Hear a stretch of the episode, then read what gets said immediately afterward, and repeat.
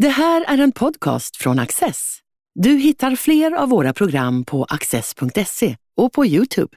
Mycket nöje!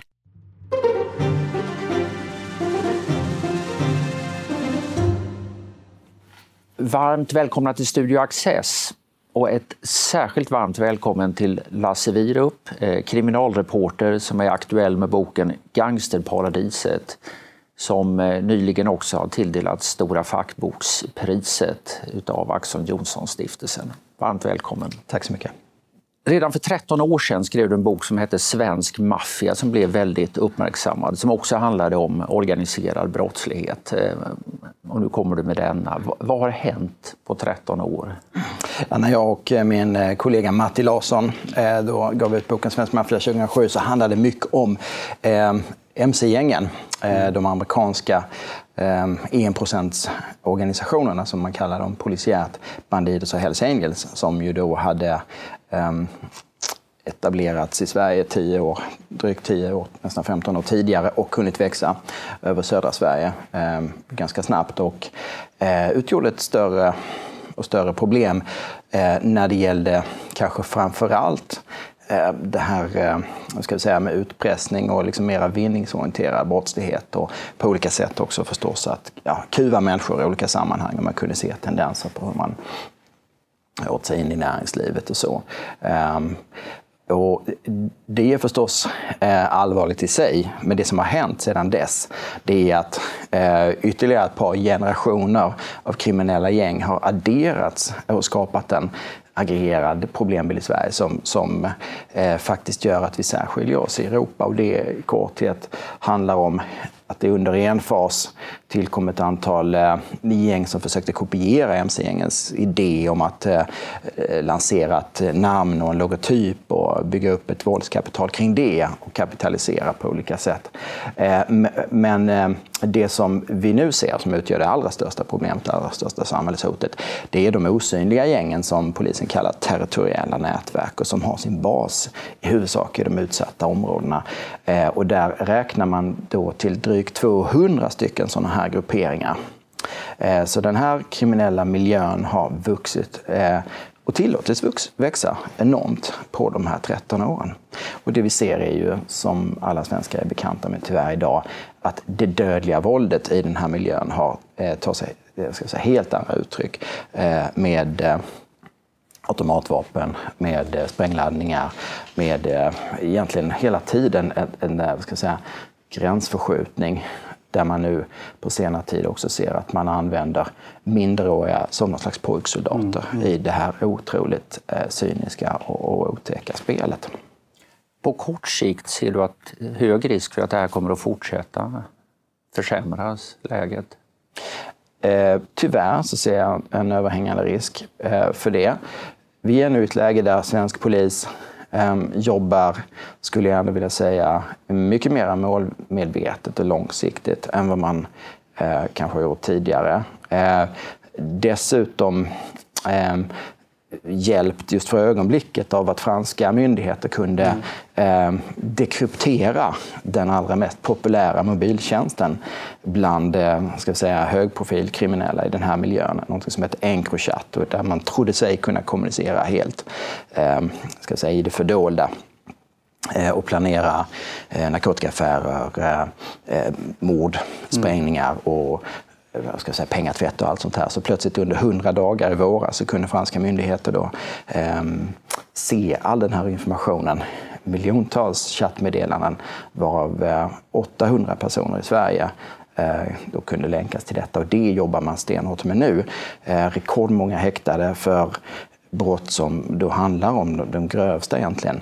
Eh, rubriceringarna anstiftan till mord och stämpling till mord, försök till mord och så vidare. Så att det är en tudelad bild där polisen gör väldigt mycket mot eh, faktiskt kan man säga de kriminella topparna i Stockholm och övriga södra Sverige idag. Men där vi samtidigt ser att eh, de yngre fortsätter eh, att stå för eh, ska vi säga, ett, ett dödligt våld och annan typ av brottslighet, narkotika framför allt, eh, som man inte rår på. Uppklaringsprocenten är nere på under 10 procent i Stockholm idag för den här typen av för, för mord i den här miljön. Och även bland de grövre brottslingarna är de numera så många så polisen inte hinner eh, ta tag i alltihop. Det kom en nyhet bara i morse om att den här avlyssnings eh, mm. eller kodknäckningsoperationerna har lett till så många misstänkta att man inte ens hinner ta in mm. allihopa. Ja, men absolut.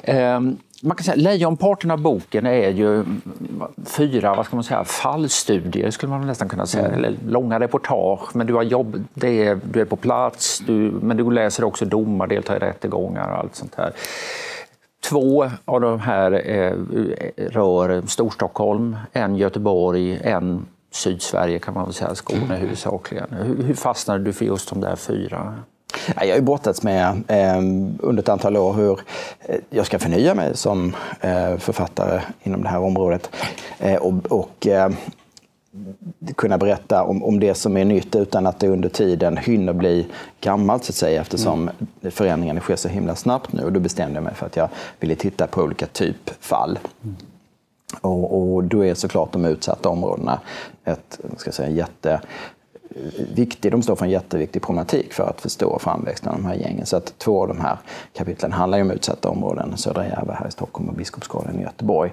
Eh, ett område som inte är utsatt, Märsta, men där man ändå ser eh, liknande tendenser. Och sen då den här mera landsbygdsbaserade brottsligheten kanske man kan säga som, som eh, ett nytt mc-gäng, kriminellt mc-gäng i södra Sverige står för. Så att eh, med detta hoppas jag då att eh, kunna täcka in det som utgör så här, eh, ja, problemet idag i gängmiljön eh, och också fokusera på sånt som är kanske lite mer generellt. Eh, det är inte så himla viktigt i den här boken att hålla reda på precis vilka gängen är och så, individerna och, inte ens grupperingarna är särskilt intressanta i sig, utan det är det, den utmaning de innebär för samhället och mm. de tillkortakommanden som jag menar att samhället eh, då um, ja, faktiskt måste eh, erkänna i, i, den här, i det här arbetet att försöka eh, förbättra situationen. Nej, du visar ju liksom, det där blir ju en illustration över att det finns i de utsatta områdena och det har varit mycket fokus på det under det här året till exempel. Men också att det är många andra orter i Sverige är drabbade och, och det fylls på här. Det, DN där du är verksam hade en stor artikel om Borås mm. problem med gängbrottslighet och skjutningar. Mm. Eh, min egen stackars hemstad Värnamo mm. Eh, rapporterades det om i Kaliber häromdagen eh, mm. på radion om att även där finns liksom skjutningar och sprängningar. Mm. mm. Det, det, sprider sig. Ingen går säker kan man säga igen, eller ingen miljö är garanterat fri från det här. Om vi nu tar ett av dina exempel, eh, ta Biskopsgården. Eh, vad är det som har hänt där? Um, sen ja, ska vi säga 2008, 2009 så har då en kriminell struktur kunnat växa fram där. Um, som egentligen inte är mycket mer än ett kompisgäng från början, men som i avsaknad av eh, ska jag säga, motåtgärder har kunnat växa sig till en väldigt stark och väldigt våldsam kriminell organisation. Eh, och inkomsterna är som ju nästan eh, ja, i alla andra fall, eh, framför allt då, kopplade till narkotikahandeln. Och förr eller senare så får man fiender i narkotikahandeln. I det här fallet så fick man det inom det här området, ganska lilla området, Biskopsgården. Så att den eh, södra delen hamnade i en konflikt med den norra delen. Och sen har man eh, utkämpat ett slags lågintensivt krig i gatumiljö. Där det under tiden 2012 fram till idag Eh, går det att räkna ett, ett 30-tal eh, mord och mordförsök i de här kvarteren. Eh, vilket naturligtvis är eh, fruktansvärt för, för eh, invånarna på många sätt. Eh, risken att träffas av, av eh, skott och eh, sprängladdningar så, eller utsatt för sprängladdningar är överhängande och eh, till och med barn har, har omkommit. Eh, till följd av, av det här lågintensiva kriget. Det hette ju ett tag att ja, det är hemskt, men det är, våldet drabbar mm. ändå mest kriminella. Mm. Men det börjar bli mm. rätt många mm. icke-kriminella som har drabbats också. Ja, Joakim Sturup som är en duktig kriminolog publicerade ju eh, en rapport nyligen eh, där han tror att han räknar till ungefär ett 50-tal sådana här fall där eh, utomstående har drabbats. Så att den bilden som polisen gav tidigare, att det här är någonting som bara sker internt inom kriminella miljön, det stämmer inte riktigt längre. Och man kan ju också se i flera fall att man faktiskt aktivt ger sig på andra personer, inte mål våldtagna själv utan anhöriga och till och med eh, kvinnor eh, i, i, vissa fall för att man sannolikt eh, vill straffa ännu, ännu hårdare om man nu kan använda det uttrycket. Något som jag tycker är slående i, i boken det är ju hur, hur unga många är eh, och hur unga de är när de kommer in i, i grov brottslighet. Eh, är det också nytt jämfört med för 10-15 år sedan? Det är nytt och det är specifikt svenskt skulle jag vilja säga. Okay. Eh, inom den kriminella mc-miljön så fanns det ju eh, eh, reglerade rekryteringsprogram eh, som innebar att man var tvungen att gå som eh, Eh, supporter, eh, provmedlem och, och så genomgår olika tester under eh, ganska eh, ansenlig tid eh, för att till slut nå ett fullvärdigt medlemskap. Eh, under den tiden så eh, styrdes man ganska tydligt av de fullvärdiga medlemmarna, ledare och också faktiskt då skriftliga regelverk. Och allt det där gjorde ju att ehm, individer han bli ganska gamla. Eh, och det krävdes också en målmedvetenhet och en långsiktighet och någon typ av eh, liksom förmåga eh, att, eh, ja, självdisciplin skulle jag vilja säga. Eh, I takt med att de territoriella nätverken har vunnit så eh, mycket mark så eh, ser man dels att eh, det går att kliva rakt in i princip i, i, i kraft av sitt nästan individuella våldskapital. Ehm, det finns inga strukturer, det finns inga hierarkier egentligen som eh, säga, inte går att utmana med det allra grövsta våldet. Så det man ser idag är ju att man etablerar sig genom, ehm, som i Biskopsgården, att liksom aktivt manifestera sitt våldskapital på olika sätt. Eh, och därigenom så så får man andra att backa. Jag skulle vilja säga att den första generationens kriminella gäng i Sverige, så mc-gängen, har backat ganska aktivt och medvetet från eh, de här arenorna för man vill inte ha de här striderna eh, med automatvapen och sprängämnen och sådär mot, mot unga individer som kanske dessutom inte har något konsekvenstänk och tänker vad kommer det här innebära för mig i långa loppet. Det som också gör problemet så allvarligt är ju att det finns en slags två intressen som möts här. Ehm, äldre som behöver fotsoldater mm. för att slippa göra ska säga, the dirty work själva. Och yngre som gärna då vill bli upptagna i den här miljön. Och jag skulle vilja hävda att det vi ser i Stockholm idag, imorgon inleds en rättegång där man ser exakt hur det här går till tack vare det här dekrypterade okay. Encrochat-materialet. Att unga killar i det här fallet en 16-åring, eh, nästan söker morduppdrag för att därigenom bli bli någon, få en status i den här miljön. Och det är det som är så väldigt allvarligt skulle jag säga i Sverige just nu. För man får ju intrycket att det är både så att säga, organiserad och oorganiserad brottslighet. Ibland handlar det om ett väldigt cyniskt utnyttjande av eh, unga som springpojkar. De är inte ens straffmyndiga, en del av dem.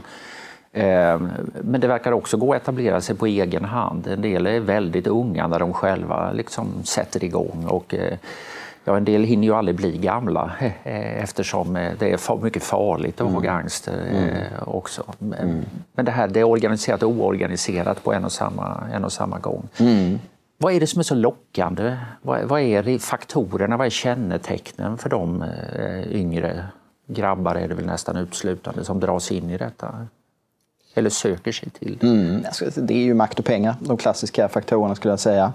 Ehm, och möjligheten att, att bli någon, det tycker jag går som en röd linje från ehm, Hells Angels första stapplande steg i Malmö i slutet av 80-talet eh, till eh, Biskopsgården och Södra Järva och Märsta och så idag. Att eh, det vanliga Svenssonlivet, om man kan kalla det så fortfarande, eh, är inte särskilt attraktivt. Och jag tror inte man ska övervärdera då de här unga individernas förmåga eh, att välja eller inte välja en utbildning eller arbete. Det är ofta eh, så man förklarar det tycker jag. Men att man då känner sig exkluderad från samhället och att man därför väljer en kriminell karriär.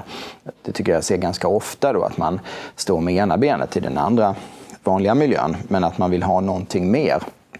Så var det med Hells Angels eh, ursprungsupplaga. Det var ganska mycket eh, hantverkare och egenföretagare och så där, som, som ändå ville eh, Sätta en sorts annan... pervers guldkant på tillvaron. Det kan man kanske liksom. säga, ja, ja, precis. Och de här unga killarna som vi pratar om idag ja. går ändå ganska stor utsträckning i skolan och eh, på gymnasiet.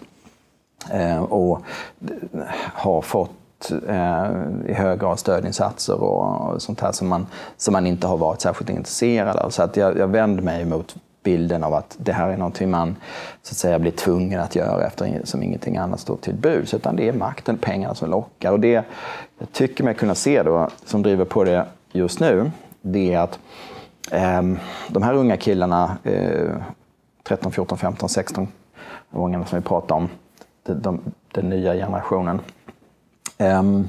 kan kanske vara i någon mening eh, vanliga dropouts. Eh, det finns alltid dropouts. Det finns alltid några killar eh, och tjejer i en klass som inte får det att funka i skolan och sådär. Det är egentligen inget nytt, men att de här dropoutsen har blivit så pass många i, i, i väldigt många områden så att de tillsammans utgör en, en, en ska vi säga, plötsligt en maktfaktor. Förr i tiden så var man en dropout så, så fick man på något sätt hitta sin egen väg, kanske längre fram i livet när mm. saker och ting hade fallit på plats. Eh, går ett antal killar som inte får det att funka eller som aktivt väljer bort skolan och så tillsammans så utgör de en kritisk massa som då är tillräcklig för att bilda ett kriminellt gäng. Och det, det, det man ser tycker jag i de här områdena där barntätheten är så himla stor att en liten del, eh, och så är det nog Ehm, här på Östermalm och Södermalm och var som helst egentligen i samhället, att unga, en liten procent unga killar kommer att falla ur den under en tid. Ehm, och, det blir inget större problem ifall numerären inte är så stor, att de då kan mm. eh, utgöra den här kritiska massan. Du har intressanta kartor i boken med, där en eh, kulturgeograf eh, har sammanställt liksom mm. ekonomisk mm. ställning och eh, ja, barnrikedom, mm. eller vad man ska säga. Mm. Mm. Och visar att där det finns väldigt mycket tonårsgrabbar och ekonomin inte är speciellt god, där blir risken kraftigt mm. förhöjd. Mm. Ja, det där är signifikant, det går inte att bortse ifrån. Mm. Utan egentligen i alla de här eh, för 60 utsatta områdena i Sverige mm. så, så är det det som är bilden. Det är, eh, är väldigt hög barntäthet. Eh, och det blir ett övermäktigt uppdrag för socialtjänsten mm. att med sina antagligen egentligen generellt sett ganska välfungerande program eh, fånga upp allihopa. Och fångar man då, är det så att det finns 15-20 killar i varje årskull som, som man inte fångar upp, så kommer de ackumulerat under tid, kanske 3-5 år, att utgöra den här kritiska massan som jag talar om. Man tänker, du säger makt och pengar är de centrala drivkrafterna. Det borde ju vara attraktivt för tonåringar i, i alla länder. Ändå säger du att det här är ett specifikt svenskt problem. Har du funderat eh, vilka orsakerna kan vara till det? Ehm, det enkla svaret är nog att priset för att välja den här livsstilen är så pass lågt.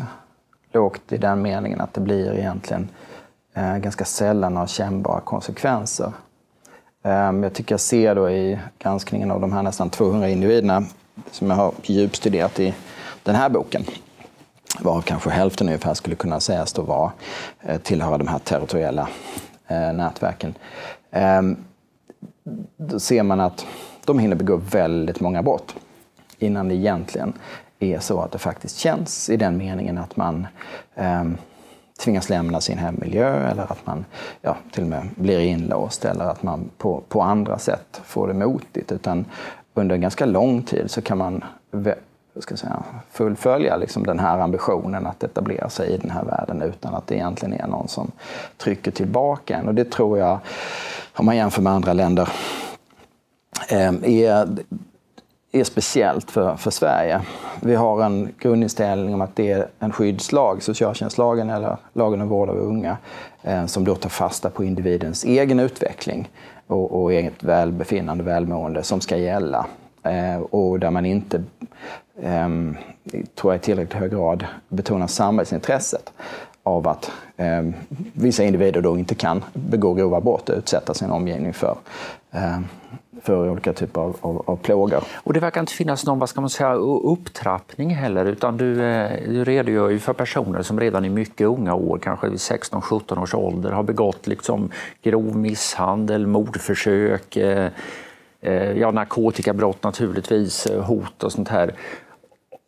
Och de, de döms till påföljder som de själva uppenbarligen uppfattar som skrattretande om och om igen. Eh, det är förbluffande. Mm. Ja. Jo, man ser ju ofta i äh, de här domarna som, som jag verkligen har eh, vinnlagt mig med att försöka förstå i den meningen att sätta sig in i ja, juridiken bakom och vilka förarbeten och liksom, politiska intentioner som fanns. Och så. Det är det ju väldigt mycket så att man eh, ger nya chanser. Man kan då konstatera, efter att man har fått ett yttrande av socialtjänsten, när det kommer in till domstolen, att okej, okay, det fanns ett tidigare brott eh, och det skulle vi eh, då bemöta med ungdomsvård på något sätt inom socialtjänstens regi. Och det försökte vi göra, men det kom inte till stånd av olika skäl. Kanske ibland att man då säger tidigt eh, i den här processen från den unge sida att jo, jag, jag är beredd att göra det här. Jag är beredd att ta emot samtalsterapi eller multisystematisk terapi eller så. Eh, och sen så av olika skäl så, så blir det inte så. Man kommer inte till möten och så vidare. Eh, men då säger domstolen att ja, det lyckades inte förra gången, men, men eh, låt oss göra ett nytt försök. Eh, och så får man då skriva ett nytt sånt här ungdomskontrakt, eh, den unga och, och socialtjänsten. Eh, och så gör man då samma sak igen. Och det är klart att ur ett skyddsperspektiv eh, så är det kanske rätt.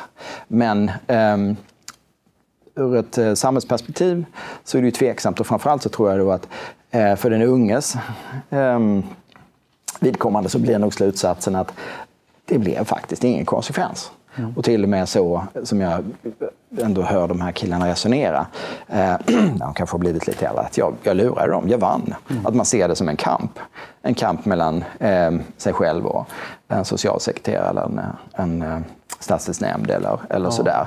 Och det är klart att det är berusande i någon mening. Jag menar, alla har, som har, när vi har varit tonåringar så känner man att man försöker hitta eh, en vuxenidentitet och eh, ja, man vill på olika sätt um, ska säga, kanske visa sig vuxen och tuff och, och, och sådär. Och det här blir ett perfekt sätt då att hävda sig gentemot vuxenvärlden. Så att, i ganska hög grad, så ser jag det här som en slags utvidgad tonårsrevolt.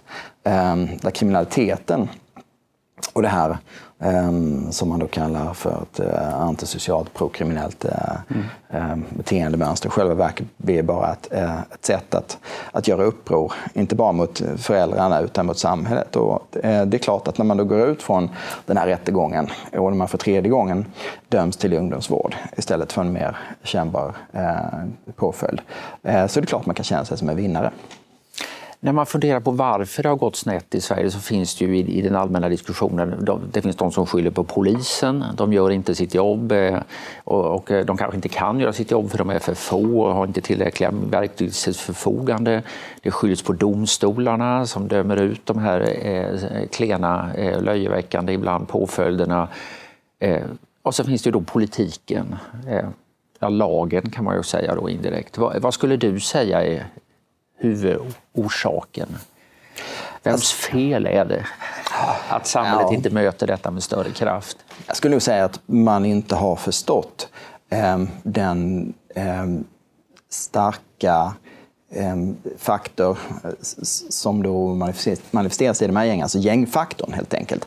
Mm. Man har försökt bemöta den här kriminaliteten med generella insatser mot ungdomskriminalitet eller generella insatser mot ett avvikande beteende och så. Och där man ehm, missförstår och underskattar kraften i det kriminella gänget. Det finns ganska mycket forskning eh, förstås från USA där vi har sett kriminella gäng i mer än hundra år men på något sätt så är det som, tror jag, att vi inte riktigt har velat eh, inse att det här är någonting som eh, skulle kunna uppstå i vårt land, trots att förutsättningarna i Sverige under de senaste 20-25 åren har varit ganska likartade, skulle jag säga, eh, som i USA när man såg eh, uppkomsten av, av eh, kriminella gäng. I den meningen att eh, du har en del av samhället som utvecklas eh, negativt och där, där du har en, en ganska stor eh, samling av, av dysfunktionella familjer och ett, en svag stat. Eh, och ett, ett dåligt um, um, underrättelsearbete inom mm. polisen skulle jag ändå vilja säga. Man har tittat på gårdagens problem. Um, en uh, bristande omvärldsanalys för, från politikens sida kombinerat med någon slags um, laissez-faire inställning eh, som handlar om att det löser sig nog av sig själv. Eh, bara vi får fart på den, bara vi kan stimulera den allmänna välfärdspolitiken mm. så kommer det här att liksom vaporisera. Plus att man från i lagstiftningsprocessen har varit så otroligt benägen att betona samhällshotet och eh, betona istället eh, rättssäkerheten, vilket naturligtvis är en jätteviktig fråga. Men till syvende och sist så kommer det ju alltid att stå mellan eh, integritets eh, omtanken om individen eller om, om det omgivande samhället, helt enkelt brottslingen eller brottsoffren. Och där tror jag att eh, vi kanske idag är på väg att, att eh, revidera den kalkylen lite. Ja, alltså ett, en, ett huvudproblem verkar ju vara, eh, polisen verkar som du beskriver det ha blivit bättre under resans gång på att identifiera vilka som är brottsförövare och, och liksom det här man kallar det, det är polisiärt uppklarat, man vet vem det är men det återstår att bevisa det. Eh, och där tycks ett huvudproblem vara att folk inte vågar vittna. Och du anger ett antal möjliga sätt att, att liksom hantera den situationen när man med, med hjälp av te, olika tekniska lösningar egentligen och andra regler för hur man eh, bedriver rättegångar. Är det nödvändigt att göra förändringar där, tror du, för att knäcka gängen? Eh, det är det man från politikens sida har insett nu, men det har tagit väldigt lång tid och den tiden har enbart gynnat de kriminella gängen. Eh, som ett exempel på den här kalkylen där man då värnar ska säga, den enskilda integriteten så mycket mer än, än omsorgen om ska säga, samhällsutvecklingen, skulle jag vilja säga syns i diskussionen kring det som då heter hemlig dataavläsning. Mm. Som ju inte egentligen är någonting annat än att man anpassar telefonavlyssningslagstiftningen till moderna kommunikationsmedel. Alltså krypterade appar som vi egentligen alla använder. Och det är Facetime, och det är Whatsapp och det är mm. Snapchat och sådana här eh, mobilappar. Där man redan 2005 från en statlig utredare eh, sa att om vi inte anpassar vår lagstiftning här så kommer vi bli hopplöst efter. Titta på andra länder. Danmark hade redan infört den här möjligheten då att eh, avlyssna trafik på de här apparna. Eh, men då sa man att nej, det här eh, är eh, för, för ingripande trots allt i den personliga integriteten. Alltså så bordlade man detta och så har man utrett det i olika omgångar. Och först i april i år Alltså 15 år senare så får svensk polis möjlighet eh, att avlyssna, gå in och titta i, i den här eh, alldagliga trafiken som alla använder. Och då har det gått så långt så att man uppskattar att 90 procent av de kriminellas kommunikation sker över sådana här appar. Så att egentligen vanlig telefonavlyssning eh, hade blivit i princip verkningslös. Och det är klart, om, om, om politiken gör det så svårt eh, för rättsväsendet att komma åt den här kriminaliteten Ehm, så kommer man ju per automatik att få ett allvarligt problem som man inte ser eh, i länder där man då har legat i framkant istället. Så egentligen är det ganska logiskt och det, det tycker jag nog är genomgripande sen att analysera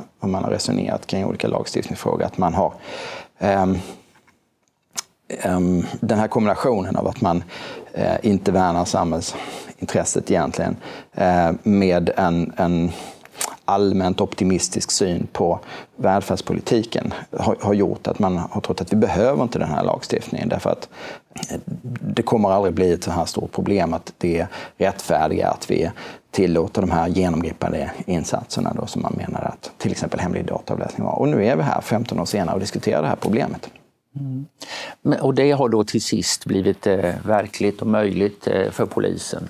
Eh, jag menar, du är inte politiker, du ska, behöver inte tala om hur alla problem ska lösas i detalj. Men om det är någonting avslutningsvis du, du efterlyser nu, vad är det den här eh, frågan behöver för att det ska bli bättre?